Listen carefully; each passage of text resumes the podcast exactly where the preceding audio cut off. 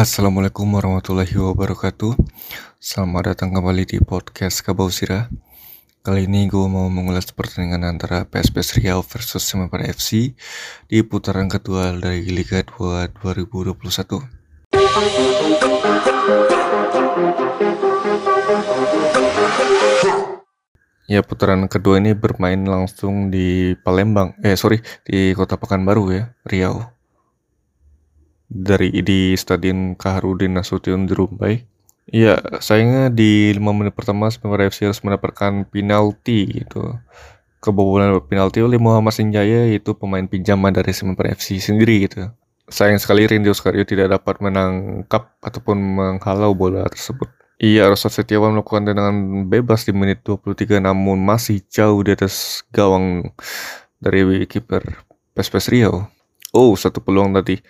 Lagi-lagi kesalahan yang bikin PSPS Rio namun Simba FC kurang tenang untuk menendang bola. Uh.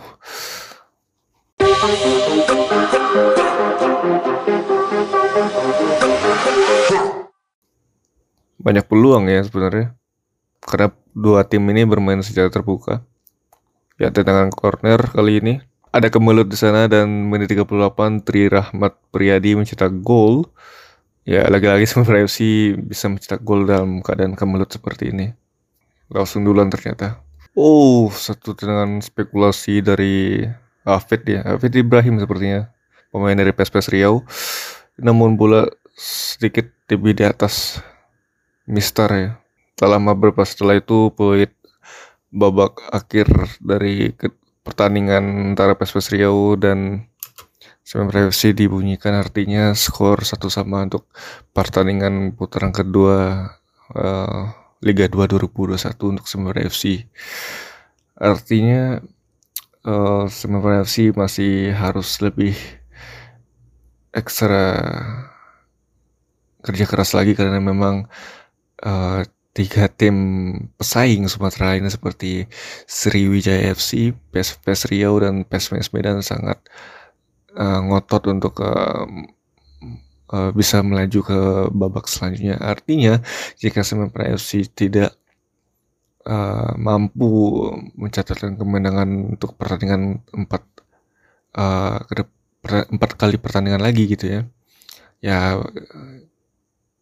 istilahnya sebenarnya sih mau tidak mau harus bertahan di Liga 2 2021 eh sorry mau tidak mau sebenarnya sih harus bertahan untuk Liga 2 musim depan gitu.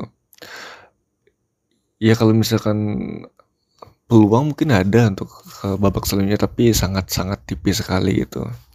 Artinya itu pun sebenarnya FC harus menang dengan kondisi uh, tim yang berada di atasnya kalah serentak gitu. Tapi itu sangat uh, mustahil ya gitu ya. Tapi setidaknya untuk uh, apa namanya bukan target minimal ya seburuk-buruknya gitu ya seburuk-buruknya sama FC tidak degradasi lah itu ya kalau melihat posisi sekarang ini ya. tapi kalau untuk mengejar uh, posisi dua ya kembali lagi lah lihat permainan sama FC-nya gitu. Oke, paling sekian dulu untuk uh, podcast uh, Kabau Sirah. Seperti biasa, jangan lupa untuk follow podcast Kabau Sirah dari Spotify, Facebook, Twitter, Instagram. Mohon maaf jika ada kekurangan dan salah kata. Sampai jumpa. Wassalamualaikum warahmatullahi wabarakatuh.